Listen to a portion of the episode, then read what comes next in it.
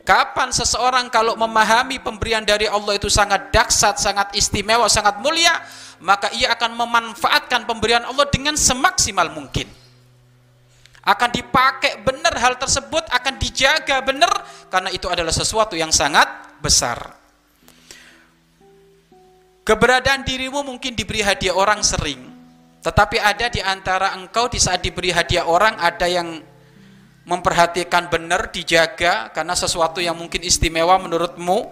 Ada yang dikasih orang ya nyantai aja kamu lantarkan sehingga kebuang begitu saja sia-sia akhirnya dirongsok, dirombeng.